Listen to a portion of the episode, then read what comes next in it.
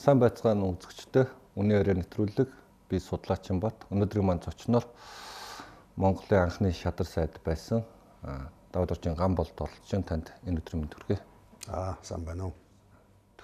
Та бид хоёр яриа тэр ирээд тэртээ үлдсэн 89 оны сүүлээс эхлээл яриа эхэллээ дээ. Тэгээд тэр 1990-ад оны арцсан хувьсгал эхлэхээс өмнө та ямар ажил хийж яв? Ер нь энэ уур амьсгалыг яаж мэдэрч ирсэн?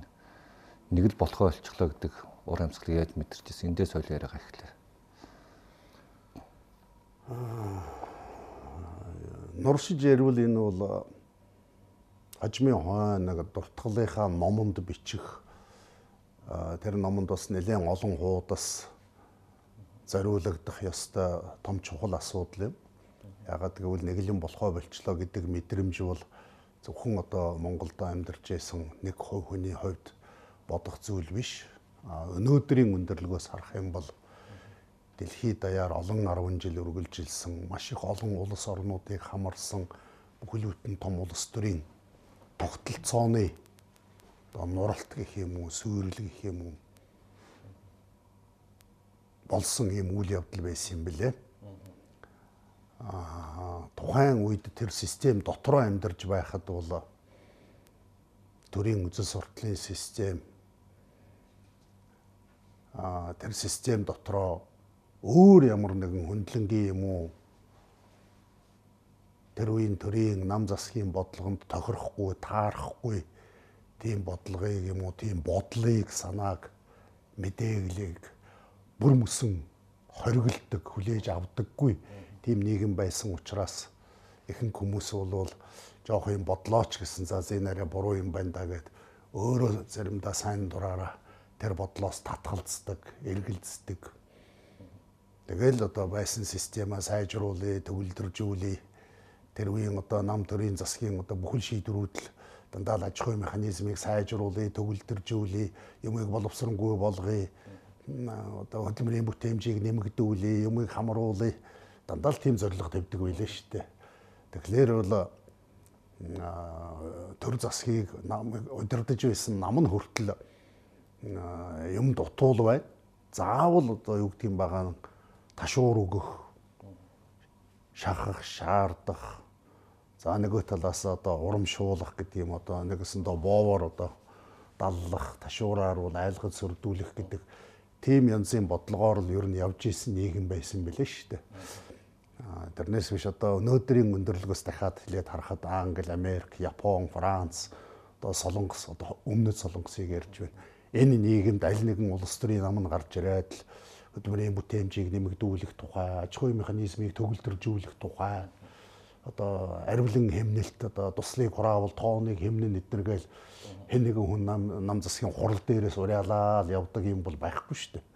Ягаад гэвэл хувьдаа өмчтэй хүн аж ахуй механизм нь өөрөө жамгаараа эрүүл байх юм бол хэн нэгний шахалт дарамтаар биш өөрийнхөө хөдөлмөрөөр олсон хөлсөө урсгаж олсон хөрөнгөө мөнгөө эд баялгаа тэртээ тэрэнгүү хэмнэж амьдардаг нийгэм байхгүй юу. Эний чинь чухамдал капитализм гэж нэрлэдэг байгаа юм шүү дээ. Гэтэл одоо зөвлөлт толгойд улс тэргүүтээ тэр үеийн социалист орнууд бол бүхэлдээ л гаж нэг л том дээр суугаад даргал тушаал буулгаж бусдыг одоо юу гэдгийг байгаа ухааруулж хилж залж удирдах шахаж ижил юм сайжирдаг л тийм нийгэм байсан байна. Тэгэхээр тэр бол ерөнхийдөө юм мэддэг ойлгодог дэлхийн нийтийн олон суут хүмүүсийн бүтээлүүдийг өмшиж ойлгож байсан хүмүүсийн дотроос эргэлзээ бол угаасаа хизээний байсан. Тийм ч учраас чухам анх одоо 1917 онд октябрийн хувьсгал ялсан өдрөөс эхлээл өөр үзэлтэй хүмүүсийгээ дандаа шахан зайлуулж алхын алж шоронд хийхийг хийж гадагш нь хөөж зайлуулж л явж ижил социализм коммунизм чинь бүтсэн байдаг шүү дээ ер нь бол. Тийм учраас бол эргэлзээнүүд бол байсан. За миний хувьд гэх юм бол оюутныгаа төгсөж ирээд энд ажиллаад социализмын эдийн засаг, улс төрийн эдийн засгийн ухааны хичээлийг зааж байхад бол э, за заримдаа оюутан ч асууна. Би өөрөө тухайн үед оюутан байсан учраас э, зөвхөн хүний янз үзэх гэсэндээ ч биш. Үнэхээр амьдрал зааж байгаа онол хоёр бол байнга зөрөлддөг байсан. Тэм учраас оюутан байхдаа багштаач тавьдаг байла. А өөрөө багш болоод ороод ирсний дараа зарим сэргэлэн оюутнууд нь адилхан тавьж эхэлдэг байлаа. Тэгээд би өөрөө залуу байхдаа тавьдаг асуудлыг дараагийн оюутан тавихад шууд үгүйсгээд байж чаддаггүй. А бүрэн дүүрэн албан ёсоороо зарлагдсан, хүлээн зөвшөөрөгдсөн онлын дотор, онлын хүрээний дотор тайлбарлах ямар ч арга байдаггүй. За тэгээд азар 80-ад оны дундуур 85 он, 84, 85 оны үед перестройк өөрчлөн байгуулалт, ил тод байдал гэдэг уриандор том перестройкийн бодлогыг Горбачев зөвлөлт холбоот улсад зарлаж эхэлсэн. За энэ цаг үеэсээ эхлээд зовоохон зовоохон ингээл том одоо юу гэдгийг байгаа нэг жижигхэн сэвэлдсэн салхи байснаас үлдээ бол том шуурга болоод тэгээд одоо социализмын систем нурах байдал руу ингээд 5 жилийн дотор яваад орцсон шүү дээ. Тэгэхээр тэр 5 жилийн дотор болж өнгөрсөн юмыг ярих юм бол нэг 5 10 минутын дотор ярихад бол их хэцүү. А тэр зүн совинг бол зөвхөн одоо судалгаа хийжсэн эрдэмтэд багш нар биш. Ерөнхийдөө бол одоо бид ярьдаг шүү дээ одоо галзуу хундаа суугаад ч юм уу одоо хөдөө уулын мохорт байгаа нэг хэдэн саахалтай айлынхан ч гэсэн нэг жоохон буу халаад юм ярих дээрээ төр засгийн шийдвэр гаргаж байгаа одоо шийдвэртэй амьдрал яаж нийцэж нийцэхгүй байна. Одоо хар зах дамын 8 одоо ингээд юу юм байгаа коммунизмын манлай болсон Орос улсад сурах гад явж байгаа хөөхөд ингээд таргун малгайч гэдэг юм уу савхин дээл эл дэвшидийн одоо хориотой цөөхөн зөвшөөрөгдсөн рублийг бол нуугаад л ингэж бүр нарийнхан хуйлаал э, цаасан хайрцагны зай завсраар нь чихэж ороод ер нь тэгэл яваад байхад бол хууль амьдрал хоёр бол юм бүхэн дээр том жижиггүйгээр нарын хаалга ховор барааг бол дарга нарыг юм уу тэр дарга нярв нэгтлэнгуудын араар нь гуйж авдаг, оочролдог, бичиж захиалж авдаг, барьдаг юмнаас ихсүүлээд л жирийн өдөр тутмын одоо энэ хотын амьдралаар ярих юм бол мах сүүн олддоггүй. Ямар наад захын энгийн хүнс э, бараа олддоггүй. Эмэгтэйчүүдэд гоо сайхны зүйл, гутал хувцс одоо үгүй ер нь захаас нь аваад заасан юм болгол хомсдолтой байдаг байлаа шүү дээ. Тэг тусмаа одоо энэ гадаадын Өнөөдөр бол ердийн үзэгдэл болсон тэр өнгөт телевизэр, телевизэр тэр машин, унаа запас угаасаа хүн өөртөө машинтай байна гэдэг нь өөрөө одоо юу гэх юм байгаа өдрийн од шиг ховор тохиолдол байдаг байлаа. Тэгэхээр гих мэтлэнгээд ярих юм бол зарлсан, тунхагласан бүх юмыг хүний төлөө гэсэн мөртлөө бүх юм л өөр байсан. Хамгийн өнгөтэй өттэй юмыг дандаа хөрөнгөтөн орн руу гадаадад экспорт нь гаргадаг. Дотоодынхоо өөрийнхөө ард түмэндөө дандаа хог шавхруу үлдэгдлийг гаргаж өгдөг. Хамгийн наад зах нь ихтэл одоо цагаан арх гээл одоо тэр үед чинь шавгар гэд нэртэй арх нь олддоггүй. Бараг л одоо мөнгө төгрөгний хажуугаар арилжааны одоо нэг том бараа болцсон байж лээс. За шавгар өгөн шүү.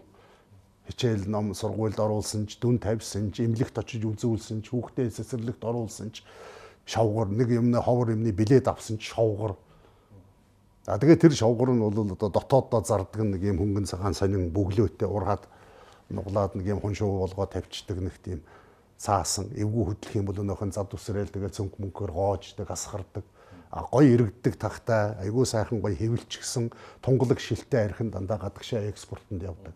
Тийм л юм байла. Хамгийн гой хийцтэй, гой загвартай, толбгүй нэхий дээл нь гадаадад гардаг.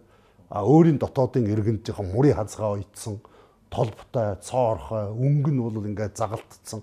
Тийм бараа нь бол дотроо явдаг. Тийм л байдаг байсан. Тэгэхээр эн чинь заавал нэг том юм мэддэг хүн гэхээсээ илүү хүм булган яванда энэ систем чинь нэг л биш байна. Ингээ хоёр нүүртэй, хоёр гартай, хоёр стандарттай ийм нийгэм байна. Албан ёсоор ярихдаа нэг юм ярьдаг, бодит амьдрал дээр өөр байд юм аа. Тэгэхээр энд бол эрт орой хизээ нэгэн цагт задарна гэдгийг тэр үед хориотой байсан нөө барууны радио тэр үед чинь бол телевиз телевиз гэж Монголд байгаагүй ихэнх социалист орнуудад ч байгаагүй гол төлөв одоо BBC ч юм уу Америкийн дуу хоолой эсвэл чөлөөт Европ гэдэг радио станцууд зөвхөн одоо бас нэг тийм гадаадад зардаг байсан FM тусгай долгионтой тийм радио станцууд л ярддаг байлаа. За ярдгууд нь манай Монголын иргэдэд хэл мэдэхгүйгээс болоод хүртэл их муутай байдаг байсан. Аа гол төлөө өнө төлөөний том гүрэн болох Орос руу Орос хэлээр нь дамжуулдаг байсан. За манай мэт бол ингээд багш хэл устай байсан учраас бас орссоор ярьж байгаа тэр гадны нэвтрүүлгүүдийг сонсож улс орон дотроо болж байгаа үйл явдлуудыг тэндээс мэдэж авдаг байсан. Яг бол зарим нэгэн болохгүй бүтэхгүй ч гэдэг юм одоогоор ярих юм бол тийм сөрөг утга агуулгатай бүх мэдээллүүдийг хаадаг, хордог байсан. А тэрийг бол тэр гадны дуу хоолой радиогоор л сонсож авч мэддэг. Аа бас нэг тийм юм болцсон юм байна, ийм юм болцсон юм байна гэдэг. Тэм учраас энэ бол задрахын тодорхой байсан. А чухамдаа яг 90 оны ихэр ч юм уу яг энэ үед ингэж задрна гэдгийг бол хинч бодоогүй, тооцоогүй байсан үйл дээ. 80-ад оны сүүл үед энэ ардсан хувьсгалынхантай яаж очиж уялдаж холбогддгийг та яаж очиж эдэртэйгээ танилцж мэдсэн байдгийг хэн дагуулж очсон байдгийг таныг? Аах дагуулад байхын чи юу ах миний тэр үед байсан миний насны хүн болвол би ч бас их сургуулийн багш сол хамгаалтсан дэдэр дэвтний зэрэгтэй цалтай хүн байсан 33 настай байсан учраас заавал хэн нэгний тийм юу гэдгийг байгаа урилга заллагаар гэхээсээ илүү анхны юм жагсаал цуглааны тухай орчсон холбооны жагсаал цуглааны тухай мэдээ авангуутаал бас нэг явцсан хүрээний нэг бодлоо саналаа ярьдаг байсан хэдэн найз нартайгаа хамт ажилладаг багш нартайгаа нийлээл за очие сонсъё ямар гэж хүмүүс нь ингээд зөрөгтэй дуу хоолойгоо гаргаж ярьд юм бэ гэдэг л маягаар л анхны цоглоонуудад очсон. За тэгэл ерөөсөө маш хурдан богино хугацаанд бол газар аваад хилээл явцсан л да. Тэнд бол нэх олон сар жил үргэлжилж бэ бэлтгээд л дасаад л зоригжоод л яваад байсан тийм юм бол харьцангуй баг хугацааны хувьд бол их багахан богинохон хугацаанд яваад өнгөрцөн зүйл байдгийг. Тэгээд улс төрийн боловсрал гэдэг чинь намайг аспирантурт хойно Москвад сурж байх үед чинь хавгүй их тэр үед тэр үеийн миний мэдлэгээс илүү хальсан том мэдлэгтэй мэдээлэлтэй хүмүүс тэр үед чинь их олон байсан юм шүү дээ. Хэлтэй устай гадаадын мэдээ сонин хэвлэл орос хэлээр орчуулагдаагүй номуудыг уншдаг тэндээс санаа оноогоо авдаг тэгээ зарим нэгэн оюутнуудад ярьж өгдөг тийм багш нар бол их сургуульд бас байсан одоо Москвагийн их сургуульд тэгээ заримдаа семинарын хичээлээр тийм экзэгтэй гэдэг юм уу тийм асуулт тавьдаг санал бодол солилцдог ер нь одоо дэлхийн аль ч улс оронд бол оюутны хамтлаг зарим нэгэн тийм одоо тэрслүү гэх үү одоо тийм үзэлттэй багш нар бол дандаа байдаг. Одооч банаад байдаг. Тэгээ тийм хүмүүсийн тарьсан үр гэх юм уу одоо хүний сэтгэлд суулгаж өгсөн эргэлзээ одоо Сократ хэлсэн ч үгнүүд байдаг. Юм бүхэнд эргэлзэж бай. Туйлын үнэн гэж энэ хорвоод угаасаа байхгүй. За тэгээд на материализмын ертөнцийн Аристотель, Гегельч гэдэг юм уу, Сократ, Платон эднэрүүдийн зүгээр нэг хобби маягаараа сонирхож байсан философийн хичээлээр хальт хуйлт сонсож байсан тэр зүйр үгнүүд гэх юм уу тийм өвөрөн сэллэгтэй үгнүүд нь ямар үний юм бэ? Одоо яг жинхэнэ тэр яриад байсан санаанууд чинь хэрэгждэг цаг нь эхэлж байна шүү дээ гэдэг мэдрэмж тэр яг 80-аад оны сүүлч 90-аад оны эхээр тэр анхны жагсаал цуглаануудаар гарч эхэлсэн. А ер нь анхны мэдээнүүд бол хуучин соц орнуудын годомжнаас ирсэн зарим нэгэн мэдээнүүдээс л яригдж эхэлсэн шүү дээ. Одоо Польшийн Солидарность гэдэг байгууллага эхлээд л за нэг тийм юм жагсаал боллоо. Зэрэг цагдаагийн хүчээр тараалаа, тэдэн хүн шархтлаа, инглээ тэглээ гэдэг мэдээнүүд бас ингээл мэрсээр орж ирж ийсэн. За тэгээд Монголд ч гэсэн анхны одоо юмнууд гарч ирээл одоо баабурын жишээлбэл одоо бүүмарт гэдэг нэг юм хэвлэгдсэн ном номнууд гарч ирээл а бид бол хүрээ хүрээнийх нь хүмүүс их өөр байсан. Миний хувьд бол гол төлөв Оросын эрдэмтэд Оросынхоо нийгмийн тухай бичижсэн юмар би илүү төлхөө сонирхож ажиллаж байсан л да тэр үедээ. Тэгээд нөө төгсөж ирээд удаагүй ер нь удхан хэдхэн нэг жил хагасын өмнө ирээд энд ажилдаа өнгөж ороод байгаад тэгээд нэг өсөндөө санаа бодол нэгтэй хүмүүс хаана байдгийг юу байдгийг юу юм ер нь юмыг өөрчлөх цаг болсон байна гэдэг эдийн засагчдын клуб байгуулад явж исэн үе байхгүй. Тэгээд эдийн засгаараа дамжиж системүүдийг эрүүлжүүлэе гэсэн тийм л бодолтой л явж исэн. Шин төвшөлт холбоо арцсан холбооны дараа байгуулагдсан. үндсэн шалтгаан нь яасан? Яа арц холбооныхонтой муудалцсан юм уу? Эсвэл байгуулах болсон шалтгаан нь юу вэ? Муудсан зөрөлдсөн юм бол байхгүй тэр чинь зөн совингоороо тухайн тухайн үеийн хүмүүсэл жижигхэн одоо тийм хамт олон бүлэг болж нийлж исэн үе шүү дээ. Одоо ингээд өөрийн чинь тавьж байгаа асуултыг бол гол төлөв 90 онд тийм халуун тогоон дотор байгаагүй тэр үеийн нийгмийг өнөөдрийн нүдээр харж тайлбарлаж байгаа хүмүүсийн асуулт байдаг байхгүй да. Ягаад гэвэл одоо өнөөдөр Twitter, интернет, сүлжээ, сошиал эдэр гээд амар их олон юм гараад өөрөө тухайн үедээ махан биеэрээ хэн нэгэнтэй уулзаагүй ч гэсэн аа тэнд нэг тийм хүн байд юм бэлээ. Тэнд нэг тийм хүн тийм юм бичсэн байд. Эсвэл тийм асуудлаар тэр аймгийн тэнд нэг тийм хүн бодлоо илэрхийлсэн байна гэдгийг чи өөрөө тэр хүнтэй уулзаагүй ч гэсэн танихгүй мөртлөө мэдээлэл авчиж штэ. А 90 оны үе гэдэг чинь аймаг дундын хэлхээ холбоо танил байх байтугай Улаанбаатар дотроо тэр хажуу талын хороололд хэн амьдрдгийг ямар бодолтой хүмүүс юу хийж явдгийг ямар бодол санааг өөртөө тээж явдсан бэ гэдгийг бол мэдэх, таних эхлээд бол нэгэд найз гэдэг юм үерхэл болохын тулд нэг хідэн удаа уулзж ээж бодлоо хуваалцж ээж дараа нь танилцсан шүү дээ. А тэгэхээр 90 оны үед гол төлөв ямар хүмүүс ингэж нэг юм бүлэг гэдэг юм уу байгуулж исэн бэ гэхтэр ажлын эрхээр тэрнээс өөрийнхөө бодол санаагаар биш. Нэг хамт олон болоод одоо урчуудын урчууд гэдэг чинь нэлийн тийм задгай сэтгэлгээтэй. Одоо дуучид, зураачид, баримлчид, жүжигчид энэ хүмүүс чинь ингээд хүссэн хүсээгүй ямар нэгэн тийм одоо үйлдвэрчний эвлэлч байд юм уу байгууллагынхаа ирэхээр нэг газар хуралддаг оройн үлдээдэг жоохон буу халдаг үндсэн сэдвээсээ хальж ярьдаг яг энэтэй адилхан би өөрөө их сургуулийн багш байсан учраас зөвхөн мэрэгжлээрээ бас ингээд өөр мэрэгжлийн танхим багш нартай уулзах бололцоо бас их хомс. Тэгэж нөө задгаа ярих бололцоо их баг. Нэг байранд нэг корпуст байдаг бол арай илүү. Өөр корпуст байх юм бол жилдээ 2 юм 3 удаа нэг том хуралдал хаяа уулзна. А мэрэгжил нэгтээнүүд нь бол арай илүү төлхөө уулзна. Тэр хүрээндээ л аа би нэрээ чамайг сонссон юм байна. Чи сонин дээр нэг тийм юм битсэн байна лээ. Тэр чин зөв шүү, тэгшин шүү, чамайг дэмжиж яана гэдэг маягаар тиймэрхүү бүлгүүд уулздаг байсан болохоос биш өөр салбарын өөр бодолтой хүмүүс хаана хизээ юу ярьсан гэдгийг мэдэх чарга байхгүй танилцах одоо эсэргүүцэх үгүйсгэх одоо юу гэдэг өөрөө чи хэлдгээр нэ дайсагнах баригч тийм асуудал байхгүй байхгүй. Тэгэхээр анх удаа утасгүй холбоогоор гэдэг юм уу нарчсан холбооны хурал болно гэд ярингуут бид нар чинь өмнө нь эдийн засагчдын клуб гэдгийг байгуулад зөвхөн эдийн засгийнхаа асуудлыг яриа сууж идэг байсан хэсэг хүмүүс.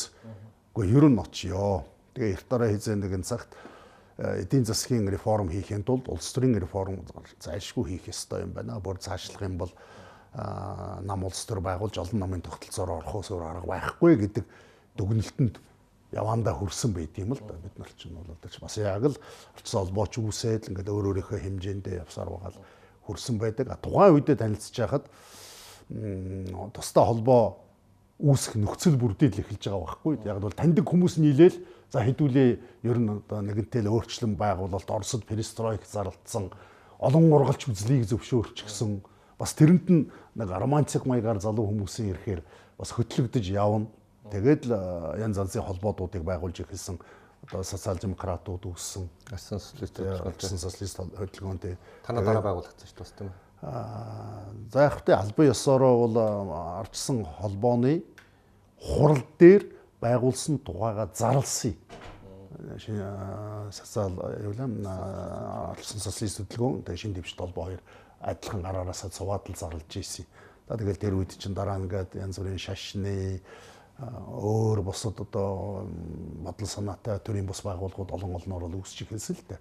А бид бол өнөөдөр гол төлөв нь улс төрийн зорилготой хажмын хойно оноо улс төрийн нам болох үндсэн суур болсон холбоотуудаа л илүү төлхөө судал сонирхож яриад байгаа юм л да. Тэрнээс биш яг 90-ад оны ихээр 80-ад оны сүүлч 90-ад оны ихээр бол одоо том 4 6-аар харах юм бол бүх төрлийн холбоотууд үүсэж байсан. Урд өмнө социализмын хориотой байсан одоо үндсээ угсаага, урлагийн урсгалууд зохиолчдын дунд техникийг сонирхдаг хүмүүс, инженерүүдийн холбоо, барилгачдын холбоо, урд өмнө одоо юу нь зарим нь хөрөнгөтнийх гэдэг юм уу янз бүрийн шалтгаанаар хориотой байсан эсвэл санаачлах бололцоогүй байсан маш их олон холбоодууд үүсч эхэлсэн юм.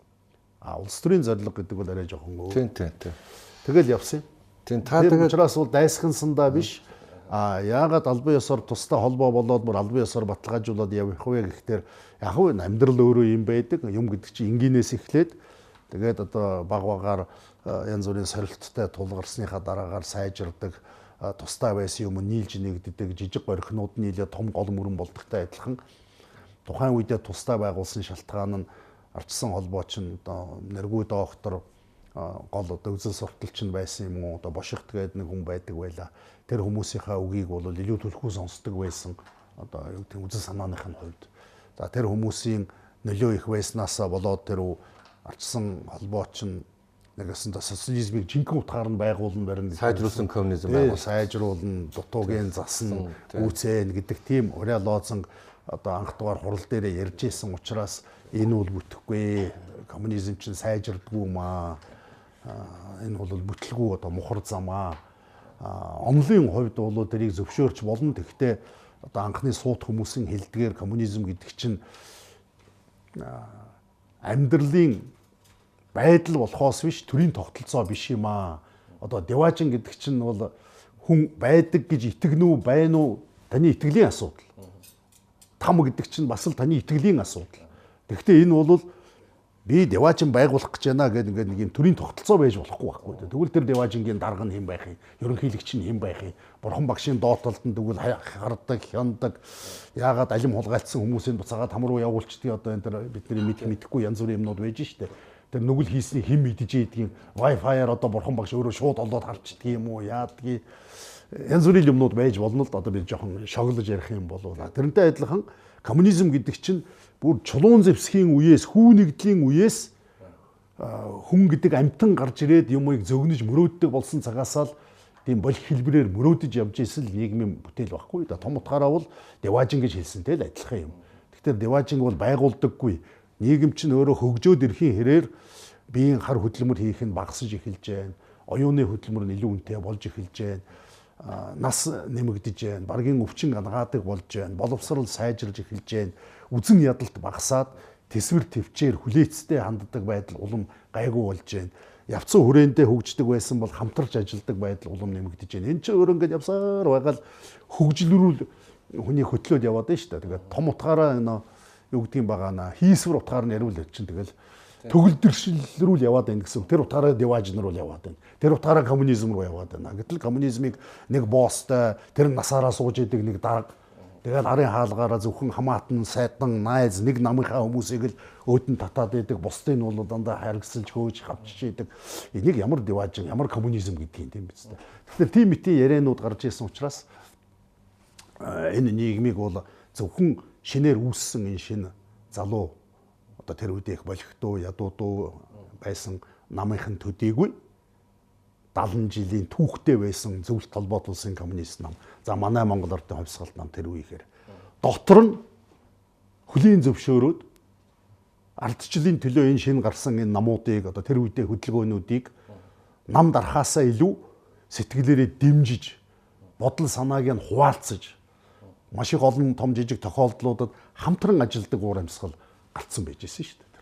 Тийм учраас манай Монгол тухайлбал манай Монголд одоо бидний ярьдгаар нь цус урсалгүйгээр харилцсан бие бинийгаа хүлийн зөвшөөрч тэгээд олон нам үүсхийг хүртэл нөгөө нам нь зөвшөөрөөд том парламентын сонгуул болохоос өмнө нь нэг намын ноёрхлоосоо татгалзаж барьж олон намыг зөвшөөрүүлээ тэгээд анхны Монголын арчсан нам тэгээд социал демократ нам тэгээд үндэсний дэвшлийн нам за тэгээд дараа нь ингээд чөлөө төлмөрийн нам ногоо нам гэл бусдуудыг тэр чин 90 оны сонгуулиас өмнө хүлийн зөвшөөрсөн зүйл шүү дээ.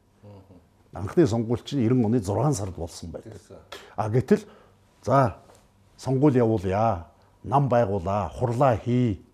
За 800-аас хүнтэй байх юм бол нам гэж зөвшөөрнө барина гэдгийг чинь бас л тэр тэр үеийн хувьсгалт намын зөнхөлж ийсэн ардын хурал тийм ээлж тус онцгой шийдвэрүүдийг өчиж гаргасан учраас энэ бүх үйл явдал чинь юм цусгүй, зодоонгүй, мөргөлдөөнгүй явцсан юм шүү дээ манай Монгол. Тий. Тэгэд тэр нэг зургийг ч гэдэг юм уу тэр нэг юмыг л нэг хэсэг нөхдүүд бэлдээл та нар нэг тэр нэг жүжигийн гол дөрүүдэд ороод тоглоод явцсан нэг тийм яриа л байдаг шүү дээ. За мэдхгүй дээ хэн хэнийхээ дүрд тоглосон юм байдгийг тоглосон хүн байхыг үгүйсэхгүй ягаад гэвэл угаасаа нэг намтай бүх юмыг дээрээс залж өдөрддөг энэ ч их олон шат дараалалтай юм байсан шүү дээ. Монгол бол дотроо босоо удирдлагатай. Бүх юмыг одоо нам хяндаг. Тэр нам дотроо хян шалгах хороотой. За тэгээ нөө төрийн тогтолцоон дотроо нөө нах яам, дотоод яам хян шалгах эднэрүүд гээл дандаа матасаар ажилдаг. Бивнийга тагнадаг, чагнадаг нэг хүн хүндээ итгэх ямар ч юм байхгүй нийгэм байхын хажуугаар Монголыг өөрийн зөвлөлт холбоот улс хяндаг. Тим систем байлээ шүү дээ тэр чинь а 20-од оны эхэнд бол зөвлөлт холбоот улс өөрөө ядууфтар болохдуу гарааны шатанд байхад коминтерн гэдэг бүр дундын том байгууллага бүхнийг удирддаг тийм л сонин систем байлаа шүү дээ. Нэг төвөөс бүгдийг удирддаг. За ингээд 90-ад оны үед зовоохон зовоохон ингээд араараасаа цуваад ээлжлээл нурж эхэлсэн. За тэгэл Берлиний хан нурлаа.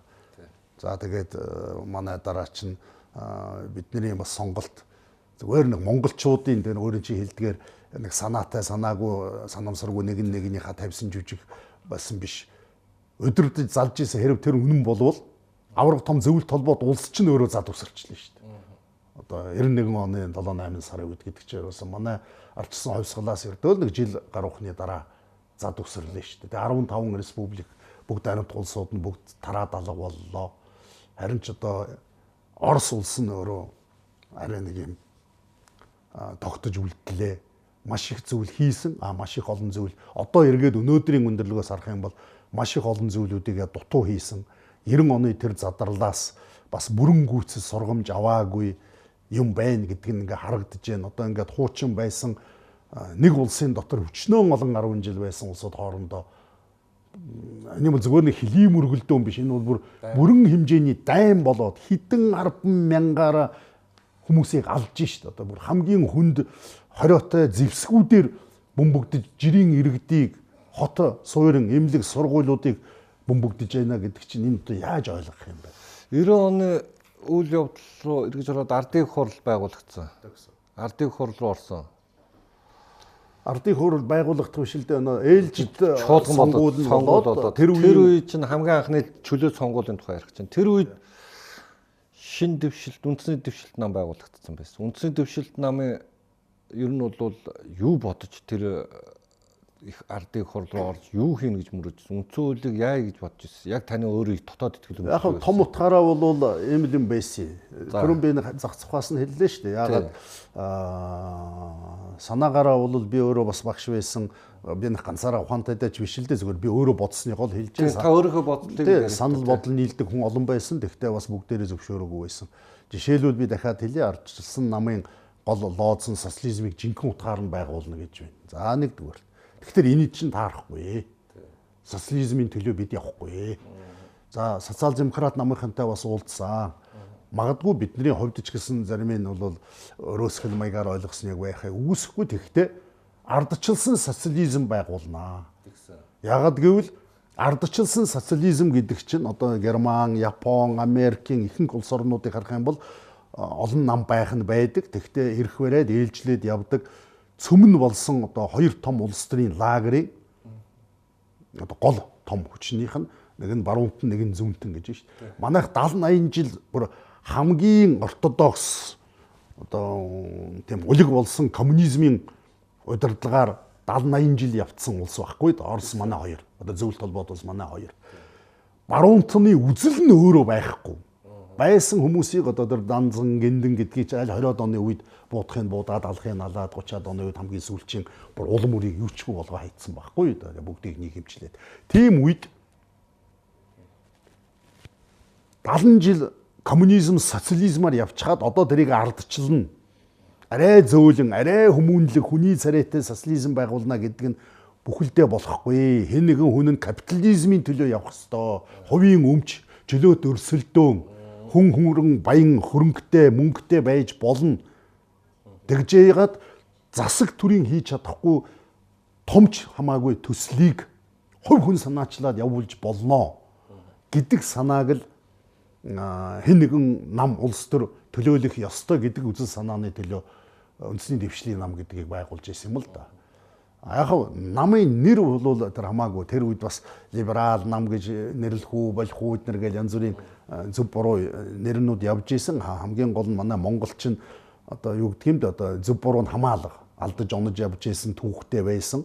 Одоо энэ төв номын сангийн хойшоо харсан ханан дээр капитализмыг алгасч гээд нэг том зураг байдаг байла. Хаа сайгүй ярьла. Монгол улс дэлхийд анх удаа капитализмыг алгассан барьсан гээд алгасч болдгүй нийгэм юм байна. Одоо хүүхдийг бол ингээд төрөөд за тэгээ 2 3 настай байгаад хөлд ороод тэгээд явандаа сургуульд ороод аа чиний одоо ингээд баг сургуульд байх үе чинь тэгвэл алгаслаа. Одоо цэцэрлэгээс шууд дээд сургуульд оруулнаа гэвэл э, нэг л сонинд хүн ойлгохгүй шүү дээ одоо бол.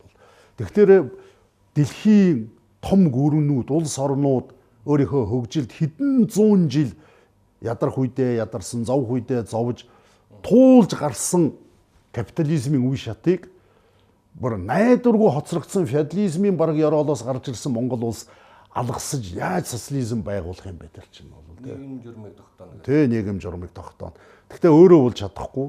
А танаа энийг байгуулахад чинь одоо бид туслана гэдэг Ленин багш нь уулзсан уулзааг нь хамаагүй худлаа үлгэрийг домог болох байсныг үнэн болгож яриад л тэгэл хүчээр л зөвлөлт толгойд улсын тусламжтайгаар техник боловсрол одоо эмнэлэг сургуулиар нь дамжуулаад шууд л гэгэн ирээд өнөөл коммунизм руу ч оруулчихна л гэж ярьж явсан хэрэг шүү дээ. Тэгэл бодит амьдралын би загцхын дөрөв ярьлаа шүү дээ. Жирийн хүн дээрээ яаж очиж байгаа юм. Тэгээд бид нар бол мэдээж хэрэг асар их хэмжээний хөрөнгө оруулалт хийж хамгийн гол нь Аз Африкийн Африкийн бүр ядуу улсууд байж байгаа. Латин Америкийн бүр Монголоос ядуу бүр үлсгэлэнд нэрвэгдсэн улс орнуудад коммунизмын үзэл санааг илүү гоё тааламжтай байлдан дагуулагч байлгахын тулд тэр үедээ нэг ганцхан сая хүрэхгүй хүн амтай байсан Монголыг сонгож аваад тэгээд нэг том дэлгүүрийн гоё шилэн лангуу болгож хувиргах тийм л зориг байсан гэдэг нь одоо харагдаж байгаа юм л да. Тэгээд одоо 50-аад оны үед гэдэг чинь 50 60хан 5 600 мянган хүн амтай улс байлаа шүү дээ манай Монгол улс чинь 60 онд дөнгөж анхны сая хүнтэй болж исэн. Тэгэхээр харьцангуй баг зардлаар нэгэсэндээ атар газар дээр орж ирээд цоошин нийгмийн суур анхны имлэг, анхны сургууль, анхны засмал зам, анхны автотээвэр яг тухайн үедээ зөвлөлт толгойд улсын техник технологиг сайн муу гэж юу гэж дүгнэж болно. Тэр үедээ байсан бүх юм ал манай Монголд бас өгөөд өөртөөгөө адилхан төвшин рүү хүргэе гэсэн том хөрөнгө оруулалт байсан. За ялангуяа 60-аад оноос хойш СЭВ гэдэг нөө социалист орнуудын харилцан туслах зөвлөл байгуулагдсанаас хойш дан ганц зөвлөлт холбоот улс биш. Чех, Польш, Унгар, Герман бусад маш их улс орнууд Монголд бас тодорхой хэмжээний хувь нэмэр тусалцаа, техникийн тусалцаа үзүүлж эхэлсэн шүү дээ. Одоо ингээл зах зохион үлдэгдлүүд байж лээ шүү дээ. Одоо ингээл тэрийг бол бид бүгдээрээ мэднэ. Тэгээд тэрний ачаар Монгол улс тодорхой хөгжилд хүрээд тэгээ социализмын нэр хүндийг Африкийн, Латин Америкийн маш их улс орнуудад нэрээ энэ замаар явах юм бол бас боломжтой юм байна шүү гэдэг л сэтгэл төрүүлж эхэлсэн байхгүй доо. Тэгэхдээ өөрийнхөө толгойноос дээшээ өсөр шүн чадахгүй гэдэг шиг зөвлөлт толгойд бас мянга туслаад туслаад туслаад өөрөөсөө илүү сайхан нийгэм байгуулчих чадахгүй шүү дээ манай Монголд. Тэгээд ингээл 60 70-аад оноос хойш нийгмийн хөгжил тэгээд мэдээлэл сансарт хүн хөөрөөд анхны өнгөт телевизрууд гарч ирээл гадаад дотоодод өнөө тэргүүний сайжруулна явдаг болоод айлчлал, жуулчлал хөгжиж эхлээл эхэндээ социалист орнуудынхаа дотор. Энэ бүх мэдээллүүд тэгээ одоо элчин сайдын яам дууд Монголд нээгдээд яам булганы өвдөн дотор чинь янз бүрийн мэдээллийн самбар мамбарууд одоо өнгөтэй зураг моргнууд нь тавигдаад бүх гадаадад яваад ирсэн магнитофон нь өөр юм байна, хөгжим нь өөр юм байна, гутал нь өөр юм байна, машин техник нь өөр юм байна киноноос хараад байсан чин дээр нисэж байгаа онгоц нь хэрглэж байгаа эд зүйл нь амьдарч байгаа орон байр нь халуун хүйтэн ус нь үзэж байгаа кино нь хүүхдийн сургууль эмнэлэг цэцэрлэг үгүй ер нь бүх юм нь илүү юм байна. А манай өнөө гайхуулаад байсан социализм гэдэг чинь дутуу юм байна. Тэгэхээр энэ бүгдийг чинь дийлхэ болоод эхэлсэн Орос улс. Юу Монголыг туслахтай мантай өөрийгөө дийлхэ болоод тэгээд 90 он боллоо шүү дээ. Тэгээд задарчлаа. Тэгэхээр энэ бүгдийн чинь цаана өнөө сая яриад байгаа тэр нам улс төр гэдэг чинь өөр үзэл санаа энэ биднээс 70 жилийн туршид нууж байсан ганц кинон дээр л гардаг шүү дээ. Барууны хөрөнгөтнүүд гэдэг чинь бас гайгүй юм хийцэн байд юм байна шүү гээл нөө галт тэрэгнээс ихсүүлээл машин, унаа, техник. Тэр нуугаад байсан капитализмын чинь хэн нэгэн хүн суурийг нөхөж бэлдэх ёстой байна гэдэг үднээс л үндэсний дэвшлийн намыг л байгуулсан юм л да. Зүг зүг. Тэгээд ардын хурл шинэ анх дугаар үндсэн хууль тэр хууль дотор нэг яриа байгаамаа. Энэ нөгөө нэг тэр юу баг хурл байлаа шүү дээ Тэ. Тэр баг хурл чинь ардыг хурлаасаа сонгогдод тавигдчихсэн юм уу? Юу яаж тэр яг эсвэл нөгөө нэг улс төрийн намууд санал аваад дахиад тэр намуудыг дугуулснараа эсвэл дахиад энэ спискээр орж ирж ирсэн юм уу? Ямар шгүй үйл явдал болчихсон. Яг тэрүүний миний хэлсэн чинь ардын их хурл ганцаараа байсан нэг танхимтай. Хурлын дээр нь бол Монгол ардын ховсгалт нам гэж байлаа шүү дээ. Одоо цэцэн мэрэгэн одоо бүхнийг мэдгч далдыг харагч одоо тэгэл одоо Тэгсээр явсаар байгаад одоо социализмыг хямралд үргэцсэн юм л да ууланд. Уулын тийм мундаг далдыг харагчвал социализм норхгүй л байх байсан байх. За тэр бол яг яжилж хэлж байгаа юм. Хамгийн гол нь 90-ад оны үед ганц Монгол биш ээ. Берлиний хан нурчлаа. Зөвлөлт холбоот улсад орчлаа.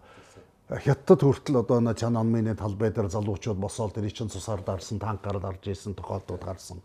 Чаушескуг буудаад алчлаа. Унгар Румыны хоорондоо цус мөргөлдөөн болж байсан ихэнх социалист орнуудад за Польшийн бид рүү хэлсэн солидарностын хөдөлгөөн гараад анхны нэг ажилчдын хөдөлгөөн гараа шинэ намууд гарч ирээд анхны сонгуулиуд болоод тэгэл өнөө капиталист орон социалист орон гэдэг чинь дайснууд биш юм байна. Адилхан махаар хийсэн хүн байд юм байна. Адилхан хүүхэд төрд юм байна. Хүүхэд нь адилхан цэцэрлэг сургууль, эмнэлэг, эрүүл хоол идээд тэгэл нэг сайхан жаргалтай амьдрахын төлөө байд юм байна нэг нийгэм дотор өөр өөр үзэлтэй хүмүүс мүр зэрэгцээд нэг сургуульд нэг э, эмнэлэг твтэж болдсон юм байна. А манайх чинь бол капиталист хүн бол ер нь нэг л өөр л хүн гэж одоо ингээд үзээд идэг байлаа шүү дээ. Одоо тэр чинь нэг өөр материалаар хийцсэн юм уу? Эсвэл одоо тэр тархин эргэцсэн одоо ямар ч юм тэгэл савл хийвэл хүнийг алаатахыг, буудаатахыг гэж бодоод тийм л нэг юм харгас одоо мангас юм уу? Хүний царайтай мангас л гэж зааж илээ шүү дээ. Гэтэл тийм биш юм байна. Тэгээд тэрийг бол хувьсгалт намын олонх нь ойлгож штэ бас. Тэгээд 90 оноос анхны сонгуул зарлахаас өмнө ардын хурлын ээлжид бус хурал болоо тэр хурлаараа олон намыг зөвшөөрөө. Аа нэгэнтээ олон намыг зөвшөөрж байгаа юм бол нэн даруй одоо эрэх 100 одоо тэр үед эрэх анхны 100 гэдэг чинь 90 оны 6 сар байхгүй. 6 сард энэ олон намуудын оролцоотой ардчилсан анхны сонгуул явуулъя. Сонгуул явуулсны үр дүнд мажоритар тойргоор сонгогдсон гишүүд нь ардын хуралдаа суунаа. А зарим нь бол намын жагсаалтаар санал өгнө. Холимог системээр явах юм. Тэрийг зөвшөөрөөд за тэгээд намуудынхаа суудлын тоогоор нэг хэсэг нь сонгогдно. А тэгээд улсын хурал гэдэг маань өөрөө дотроо хоёр тэнхимтэй байх юм аа. Одоо парламент гэдэг нь одоо их хурал гэдэг нь нэг нь ардын хурал нөгөөх нь улсын баг хурал. Баг хурлын тухай 53 гишүүнтэйгээр төлөвлөж ийсэн. Тэр үед манай хүн амчсан 2 сая хүн байсан юм шүү дээ 90 онд бол 2 сая болцсон байсан. Тэгэхээр баг хурал маань 53 гишүүнтэй, ардын хурал нэг 400 гаруй гишүүнтэй, 430-аад гишүүн. Тэгээд ардын хурлын дотроос нэг хэсгийг сонгод а нөгөө хэсгийг сонгуулиар авсан намын тоо квотоор ардын хурлын гишүүн бус хүнийг бас тэр нам нь томилоод оруулж болно гэдэг хууль гаргаад за тэгээд тэр баг хурлын гол үүрэг нь оногдсон тэр хугацаанда цоо шин үндсэн хуулийн төслийг боловсруулад тэгээд тэрийг ардын хуралд өргөн бариад тэрийн ардын хурал хэлэлцээд шаардлага тавил буцаага нөхөж засаад оролцоолаад тэгээд үндсэн хууль батлагдсахын хэрээр батлагдмагц шин сонгуул зарлаад тэгээд тэр шин сонгуулийн дараа Монгол улс цаашдаа амьдрах болно гэсэн тийм шийдвэрийг тэр онц их хурлаар гаргасан байдаг байхгүй да 90 оны хавар. Тэр бол бас том түүхэн үйл явдал болсон. Тэгээ тэрний ачаар бид ч олон намтай болоод ингээд ингээд ингээд анхны сонгуулийг авсан байдаг. За тэгээд тэр үед бол үндэсний дэвшлийн нам бол баг хурал дотор тэр 53 суудлаас 3-ыг авсан. Социал демократ 3-ыг авсан арчилсан холбоо 12 гишүүн авсан бусад нэг 40 хэдэн хүнийг хүний суудлыг хувьсгалт нам авсан байдаг.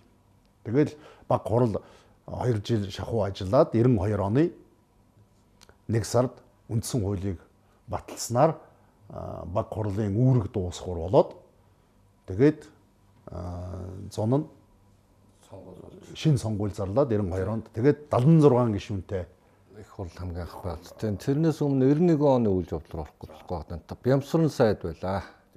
Та шатрын сайд байлаа. Анхны шатар сайдуудын тэргүүн шатар сайд. Монголын ер нь анхны тэргүүн шатар сайд баг. Тэр үед тэр үед одоо ёстой тантай холбоотой юмуд яригдах ёстой болчиход. Тэгээд за тэр алт дийлрийн хэрэг гэдэг нэг юм яригддаг юм а тэр үед те.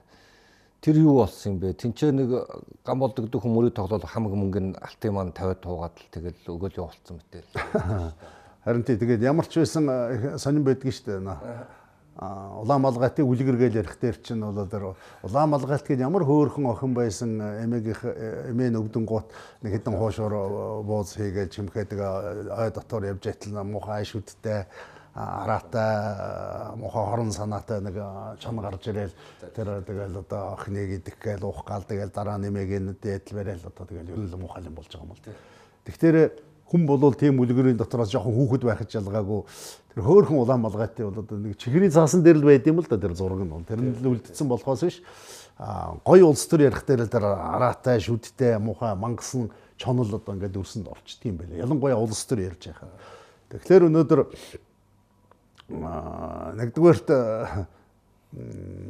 хурлаар одоо тэр үед баг хурлаар баг хурлын зөвшөөрлгүйгээр Яг л үндсэн хууль батлагдахаас өмнөх үйл явдлыг өмнөх үйл явдлыг ярьж байна. Би тэр болохоор тантай ярьсан. Үйл явдал 92 оны 1 сарын 13-нд үндсэн хууль батлагдлаа шүү дээ. Тэрнээс өмнөх үйл явдал. Анхны Бямсрангаан засгийн газар гэдэг чинь түрүүний миний хэлсэн өнөө ардын хурлын баталсан төр хуулиар зохицуулагдж байгаа бүх ажиллагаа багхгүй да. Нэгдүгээрт төр а тэгтээ өнөө төсөв мөнгө хэний өмнө хэн тайлан тавьж хариуцлага хүлээх үү гэдэг чинь бүхэл байдаг ном ёсороо л явж исэн хэрэг шүү дээ тэр чинь. А тэгэхээр товчхон хэлэх юм бол алт жилийн хэрэг гэдэг бол айл 84 5 оны үед Монгол Ардын хувьсгалт намын төв хорооны шийдвэрээр тэр үед дандаа нууц шийдвэрүүд байдаг байсан. Ард түмэн тийм юм сонирхдаг ч үгүй, мэддэг ч үгүй, ажигладаг ч үгүй байж исэн төв хорооны шийдвэрийн дагуу ягаад гэвэл өнөө перестройк чи эхэлсэн учраас арбитражийн гүйлгээ гэж нэгэнтэй л одоо манай Монгол улс чинь бас нэг зарим нэгэн хөрөнгөтөн оронтой худалдаа арилжаа хий одоо ноос ноолуур эднэрүүд чинь дандаа гадагшаа гаргадаг байлаа шүү дээ хөрөнгөтөн орон руу аа ихэнх тохиолдолд. За зарим нэгэн бараа. За тэгээд арбитражийн гүйлгээ хий барий гэдэг шийдвэрийг л тэр үед гаргасан юм байлээ л дээ. За тэгээд 90 онд бид нар чинь засгийн эрхэнд гарч ирээд одоо ямар улсыг э, хүлээж авч байгаа юм бэ гэдэг маягаараа бүх юмгаа хомиж тооцож нэгээс нь бүртгэл хөтлөөд Тэгээд дараа нь 92 онд жасраагаад тушаахта юу үгүй гэдгийг тайлгна шүү дээ. Тэгээ хараад ирсэн чинь арбитражийн гүйлгэн дээр бол маш их олон сая долларын үр үүсцэн явж байгаа байхгүй да. Үр үүсцэн байсан. Үр үүсцэн. Үүсцэн байсан байхгүй да. Тэрнээс гамболд гарч ирээд тоглолцсон юм биш. Энийг яг та муулж ярих дээрээ нэг л одоо муу шиг тоглолцсон юм шиг юм ойлгодог байхгүй. За нэгдүгээр муу шиг тоглоно гэдэг чинь тийм амархан зүйл биш. Одоо арбитражийн гүйлгээ хийнэ гэдэг нь бол за хэл ус мэдлэг боловсролоос гадна тэр үеийн одоо сүлжээ мүлжээ гэдэг зөвхөн өндөр мэдлэгтэй боловсралтай банкны хүмүүс цөөхөн тооны тусгай эрхтэй хүмүүсийн хийдэг ажил. А тийм хийх ажил эрхийг бол түрүүний хэлсэн тэр Монгол Ардын хувьсгал намын төв хорооны шийдвэрээр зарим тэр үед чинь бол зарим нэгэн одоо дийлэрүүдэд хийх эрхийг бол олгочихсон хийж явсан юм билээ. За нэгдүгээр А тэгвэл нэг ийм онцлог байдаг тэр зийлэрийн гэдэг юм уу арбитражийн гүйлгээ гэж ярьд юм л да. Жишээлбэл одоо өнөөдрийн манай энэ зах дээр байгаа чейнжүүд, валютын чейнжүүд энийг бол биднээс илүү сайн мэднэ. Одоо ингээд рубль унчлаа. Авах уу байх уу гэдгийг нэгдүгээр тэр чейнж өөрөө шийднэ. Өнөөдөр ингээд чихрийн цаас шиг болж байгаа энэ рублийг ихээр авах юм бол би өөрөө шатна гэдгийг мэднэ. А тэгвэл хараахан арай цаас болоогүй тэр нэг жилийн дараа болно. А тэр хооронд нь би амжаад нэгэнтээ үн ханшин эрс хямдэрсэн юм чинь нэг хэдэн доллараар юм төгөргөөр ч юм уу авчхаад тэгээд нэг таньдаг найз нь одоо манайх чи визгүй учраас бол Орос руу очоод ганц хоёр одоо монголчуудын сонирхдаг бараагийн харьцангуй хямдаар нь худалдаж авцараад эндээ 8 хийя гэвэл буруу юм юу байх вэ? Энэ бол төр засгаас зохицуулж байгаа ажил биш байхгүй дээ энд чинь. А тэгвэл хизээдэн доллар би авах уу? Хідээр хидийд нь зарах уу? Хэдэн хоногийн дараа зарах уу? А миний худалдаж авсан энэ валют маань рубльч байна уу, доллар байна уу, Японы йен байна уу? Ялангуяа манай монголчууд чинь сүүлийн үед доллар, юань, солонгосын вон эднийг бол бүр онцгойг сонирхдаг шүү дээ. Ер нь бол за ялангуяа цагаан сар шинэ жилийн өмнө ч байд юм уу? Оюутан оюутан явах барих 9 сарын 1-ний өмнө. Тэгэхээр энэ ханшнуудын өсөлт бууралтыг бол бүр биднээс илүү сайн мэднэ хэдийд нь хаанаас авах. А тэр дээгүр доогуур оролцдог Монгол банкны зарим зөвлөхүүд нь хилдэг, ярьдаг, арга үрийн хаалгаар мэдээ өгдөг, авдаг. Магадгүй Монгол банкныхан хүндээ илүү хэдэн доллар зарчдаг юм одоо ч байгаа л байх л да. Тэгвэл зарчмыг нэрэд нь шүү дээ. Би өнөөдөр хямдхан байгаа дээр нэг валют худалдаад авчлаа. Тэгээд дараа нь өсөхөр нь зарна. А дараа нь өснө гэж бодоод би авж штэ. За нэг сарын дараа өснө гэж би тооцоод зарж байна. Гэтэл миний авсны дараа тэр хан шин шууд доошоо унчиж бас болно л доо. Тийм тийм. Яг л өнөөдөр 10-аар авсан гэтэл тэр нь 9 болно. Бүр 8 болоод уунана. Тийм тийм. За одоо ингээд бүх гүйлгээгээ зогсоо хаа гэх юм бол би шатчихна шүү дээ. Тийм. А гэтэл үгүй болоогүй вэ шүү дээ. Энийг гүйлгээ хааж болохгүй. Эн чинь дөнгөж 8 дээр байна. Хэдхэн хоногийн дараа тэр чинь 20 болноо. Тэр үед нь зарах ёстой гэдэг хэлэхдээ үгүй ээ. Төв хорооны шийдвэр гарлаа. Зогс. Гүйлгээ зогсоочих юм бол жинхэнэ шаталт болчдөг байхгүй юу? А тэгээ баахан өрөнд ороод. А тэгэхээр өнөө олон нийтийн дундаас тэр хаанаас хэний мэдээлэл орж ирсэн өнөө бие биенийгээ харддаг өнөө намуудын өрсөлдөө юмнууд байсан. Тэгэл арбитражийн гүйлгээ хамгийн гол нь өртөө байсан учраас тэр өрийг төлөх ёстой байсан. Гол асуудал нь засгийн газрын хуралдааныг би удирдах ийсэн.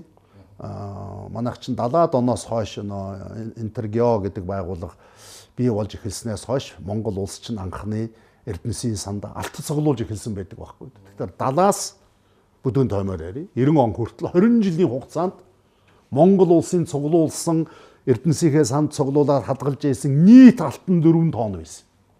2 тонн орчим нь дандаа тийм эд хөрөнгө түүх дурсгалын зүйл арилжаанд оруулж болох зарж борлуулж болдог юм нь 2 орчим тонн л байсан юм билээ. Тэгээд тэрийг засгийн газрын хуралдаанаараа гаргаад олон улсын зах зээл дээр зарья. Угаасаа алтны нөөц, валютын нөөц гэдэг чинь ямар зорилготой байд юм бэ гэвэл дайн байлдаан, гай гам шиг байгалийн ч байдаг юм уу? Газар хөдөлсөн, нурсан, суурсан эсвэл эдийн засгийн одоо тийм давагдшгүй юм хүчин зүйлд нэрвэгдсэн хямралтай үед улс орныхоо одоо амин чухал хэрэгцээг хангахын тулд тэр мөнгийг хадгалж идэг л болохоос биш зүгээр ингээд нэг сувраганд аваач ялцгаа тэгэл нөө сохроор дахиад байж идэг юм бас биш л те.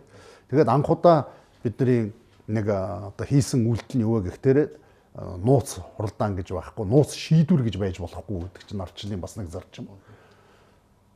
Монгол улс бол алтныхаа нөөцөөс 2 тонн алтыг олон улсын зах зээл дээр зарах шийдвэрийг гаргалаа. Тэрийг бол олон улсын зах зээлийн зарчмаар зарна. Өнөөдөр жилд гихтэл одоо 10 хэдэн тонныг Монгол банк худалдаж авч шүү дээ. А тэгэхэд 20 жилийн хугацаанд бол дөрвөн тонн алтыг цуглуулж чадсан байсан байхгүй. Тэгээд алт гэдгийг бол бас ингээд нэг мэддэггүй нэг тийм л болох үйл байж л дээ. Тэгэл одоо алтаа гаргацсан гэхээр одоо яаж амьдрнаа бид өнчрлөө хоосрлоо гэдгэр сэтгэлгээг тэрий чин дэвэргээд сэвээд л тэгэл явцсан хэрэг л дээ. А тэгвэл хамгийн гол нь тэр борлуулсан алтаар чин бид зогсгоо юул давтцсан байжсэн ТЭЦ 4-ийн запас сэлбэг Монгол улс чинь Орос улс чинь өөрөө юм хүнд байдалд ороод яг 91 оны 1 сарын 1-ээс эхлээд бүх худалдааг нэг өдөр зогсоодсон шүү дээ. Тэгэл лангуу хоосроод л нөө сахар давс шүтэнснээс нэг өөр юм байхгүй болсон шүү дээ сүүл рүүгээ бол. Тэгээ картны системд орсон. Гэтэл тийм хүнд хэцүү үед бензин түлш яг л тэр байхгүй бол бид экскаваторууд ажиллахгүй баг нуурын нүүрсээ хаанаас авах юм нүүрс байхгүй бол дизель төлшгүй галт тэрэг яаж явах юм? Галт тэрэггүйгээр цахилгаан станц руу яаж нүүрсээ зөөх юм? А энэ бүх юм байхгүй бол тог цахилгаангүй бол хот суурин яаж амьдрах юм? Тэр үедээ алдаг оногч гэсэн ажиллаж байсан тэр өчнөө талах боо, эмнэлэг, сургуулиудын тог гэрэл байхгүй яаж амьдрах юм? Баян тог тасардаг байсныг бүгдээрээ санаж байгаа шүү дээ. Энэ бүх юмны запас, сэлбэг, бензин төлш хамгийн одоо нэн чухал шаардлагатай ийм дом запас, сэлбэг энэ бүх юмд тэр 2 тонн алтыгаа зарж борлуулсан мөнгөөр чинь худалдаж авч ийж бид энэ хямралыг гар цохрол багтаагаар давж чадсан байдаг байхгүй. Тэгээд нэн даруй хамтд нь олон улсын хандивчлалтын зөвлөгөөн гэдгийг бас давхар зарлаад тэгээд гадаадаас асар их хэмжээний тусалцааг бас авч эхлээд тэгээ хамтдаа бид нар энэ 90 оны хүндрэлийг авсан. 91 он. За тэгээд дээрэс нь одоо 91 он та бас таны бас санаачсан юм ягаан цэнхэр хувцаа гэдэг хувцааны салбар тийм ээ. Энэнгээр далимдуулаад одоо энэ харцлагч нар одоо энэ эрх чөлөө хүсэгч хүсэмжлэгч нар ингээ Монгол улсын хамаг баялагийг цөлмөд өөрсдөө хийцсэн юм аа. Тим зорилготой байсан. Энэ юу нь ямар учиртай тэр хувцаа гаргаж тэнчэнээс одоо тэр та нараас одоо жинхэнэ арц суувцлыг авчирсан нөхдүүдээс хідэн тэнчэнээс баах юм хусаа хийсэн бэ. Танд тийм яриа өрөө байдаг юм уу? Тий, энийг бол ер нь өнөөдөр өөрөөс чинь анхудаа сонсож байгаа юм биш. Ер нь анх эхлээл энэ хөтөлбөрийг ардын хурал дээр очиж 400 гишүүдэд би тайлбар тавьж ирсэн. Анхныхаа хуулийн төслийг оруулах та. За дараа нь албан ёсороо агуулгын танилцуулчаад дараа нь хууль болгохын тулд баг хурлаар оруулж хэдэн ч удаа ордог үлээд хуулийн төсөл чинь. Тэгээд ороод баг хурал эцсийн дүндээ олон удаа хилцээд буцаад э, э, заримдаа бол халуун хэрүүл маргаанч болдог үе байла. Өдөр шөнөгүүл явсан. Эцсийн дүндээ хууль болоод батлагдчихсан. Өмнөхөр энүүнээс өөр ховчлох арга байхгүй юм байна. Яагад гэвэл Англи, Америк шиг, Япон шиг газар бол ховчлол хийхэд бол тэд нар чинь түүхэн сорилт хийж, туршилт хийж, социализм байгуулж хадуураагүй шүү дээ тэр улс орчин яг нөө дэлхийн жамаараа л явж исэн улс учраас тэнд бол ядууч хүн бий, баянч хүн бий. За ингээд нэг үйлдвэрийг ховчлъя гэх юм бол мөнгөтэй хүн орж ирээд тендер мендер гэдэг юм уу дуудлага худалдаанд ороод авчих бололцоотой хангалттай үн өгөөд. А 90 оны Монгол нийгэм. Гэхдээ та нар одоо хэрв санаж байгаа бол хажууд байгаа саахалт руугаа хар, найзыгаа хар, хамт сургуульд эмнэлэгт ажилд явж байгаа одоо таньдаг хүмүүсийг эргээ хар. Гэхдээ бидний амьдарч байгаа орон сууц, байр, одоо сум аймгаар ярил одоо хэдэн саахалт нөхөр хөршүүдийг бүгдийг шүү дээ. Нэг нь нэгээсээ юугаараа илүү байсан юм. Нэг ч хөрөнгө мөнгө байхгүй. За ганц хоёр нэг хөдөлмөрийн сайчууд, ганц хоёр нэг онцгой чухал мэрэгжилтэй хүмүүс нэг суманд гэхэд нэг амар олон жил ажиллаж ээж хөдөлмөрийн баатар болсон нэг хүнд нэг ганц муу Москвич юм уу Волог үгжээсэн сум гэхэд 10 хэдхэн байдгийг шүү дээ. Манай ч 360 гаруй суманд бол хувьдаа машинтай хүн байгаагүй байхгүй да. Монгол даяар 200хан машин байсан гэдгийг шүү дээ. Ер нь бол улс даяар бодлоо. Монгол улс даяар хувьдаа машинтай. Тэр нь нэг тийм хоршоолын дарга ч гэдэг юм уу нэг тийм үйлдвэрийн дарга марга нь дандаа алба амиг гэдэг бас нэртэй. А амны машинтай хүн гэвэл их өндөр харьцангуй тэр үеийнхээ өндөр цалинтай нэг доктор, профессор, сургуулийн захирал нэг тийм хүмүүс олон жилийн шагналаар нэг тийм юм авсан аяйгүй ховор гэдэг байсан. За тэгэхээр тийм хүмүүс дуудлагад яаж орох юм? Тэгэхээр өөр ямар шудраг арга байна? Тэр үед 10 тэр үеийн ханшаар 10 миллиард төгрөгийн нийт хөрөнгө Монгол улсын нутаг дээр бүртгэлтэй байсан. Тэгэхээр тэр үеийн 2 сая хүндээ хүүхэд томгүй. Хүүхдээр нь ялахгүй. Монгол улсын иргэн л бол 91 оны 1 сарын 1-ээс өмнө Өөрөөр хэлбэл 90 оны 12 дугаар сарын 31-ний дотор гэсэн үг байхгүй. Төрсөн Монгол улсын иргэн бүрт 10 мянган төгрөгөөр үнэлэгдэх хувьцаа. Өөрөөр хэлбэл өмч хувьчлалд оролцох эрхийн бичиг өгнө.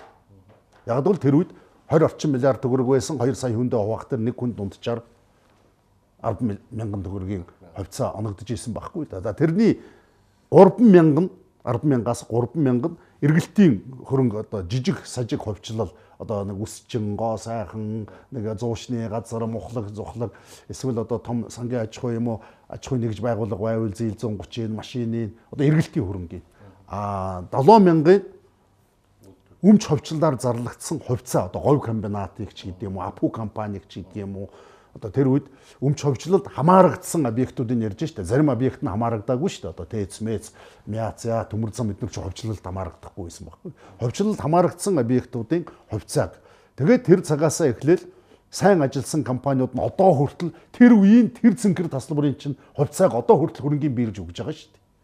А зарим нь тэр үеийн буруу ухуулганд автаад эднэр луйвэрдж гэн, өнөө идж гэн, ууж гэнэ гэд шил ярихаар нэгэндээ залтсан байдаг байхгүй тэр хувьцаага. Тэгээд хэдэн сарын дараа ээ гэд амаа барьсан маш их олон мянган хүн бий. А тэр хүмүүс бол харахаас өөр юу хийх юм бэ? Ягаад гэвэл эн чинь үнэтэй зүйл шүү. 90 оны ханшаар 7000 төгрөг гэдэг чинь энэ бол ер нь овоо юм шүү дээ. Ийж планета мотоцикл чинь 6000 төгрөг байдаг байсан шүү дээ. Планет 5. Планета 5 тий. Москвич гэхэд чинь тэр бол өдрийн од 40 мянган төгрөг байсан шүү дээ. Баргийн хүн авч чадахгүй тийм хүн байсан байхгүй. За тэгэл нэг хийдэл нэг мянган цаас одоо юу ивч байдаг вэ? Тийм тэгээд тэр хувьцаан дээрээс та нар Тэр бол тэрийг бол за тэгээ эргээд хар. Яг хэн авсан бэ гэвэл хамгийн сэргэлэн гүйлгээ ухаантай манайд бол нэлээд тийм хоорондоо хамтарч ажилдаг нэлээд олон бүхчүүд тийм хоршоо моршоо байгуулад овоо юм авсан байдгийг нэгдлийн дарга нар нэлээд хөлжсөн байдгийг тэр нь дандаа яг нарийнда ярих юм бол 99% Монголд хувьсгалт намын гişүүд байсан. А ардчилсан намаас бол жоохон ч ихсэн ажилтай албан тушаалтай хүн. За дөрлөгч бит хоёроос өөр хүн. Ер нь л байгаагүй те 90 онд 91 онд. Тэгээд дандаа манайхан өөрснөө авцсан гэж үгүй авахын тулд ч нэг ажилтай албатай байх хэрэгтэй байгаа юм 90 онд ардчилсан намын хідэн хүн ямар ажилтай албатай ямар эрх мэдэлтэй байсан. Ямар ч юм байхгүй. Харин ч хурган гинөө ямар дарга байна бүдүүн дарга гинөө 99% нь Монгол Ардын хувьсгалт намынхан байжсэн Тэм учраас хэрв харин эсэргүүцэж өөрснөө жирийн иргэдэн заримдаа мэдхгүйгээр буруу зөрүү хямдхан үнээр луурдуулсан, шил архиар зарцсан би түрүү хэлж байна. Тэгээд алдагдсан бол одоо хэндээ гомдох юм.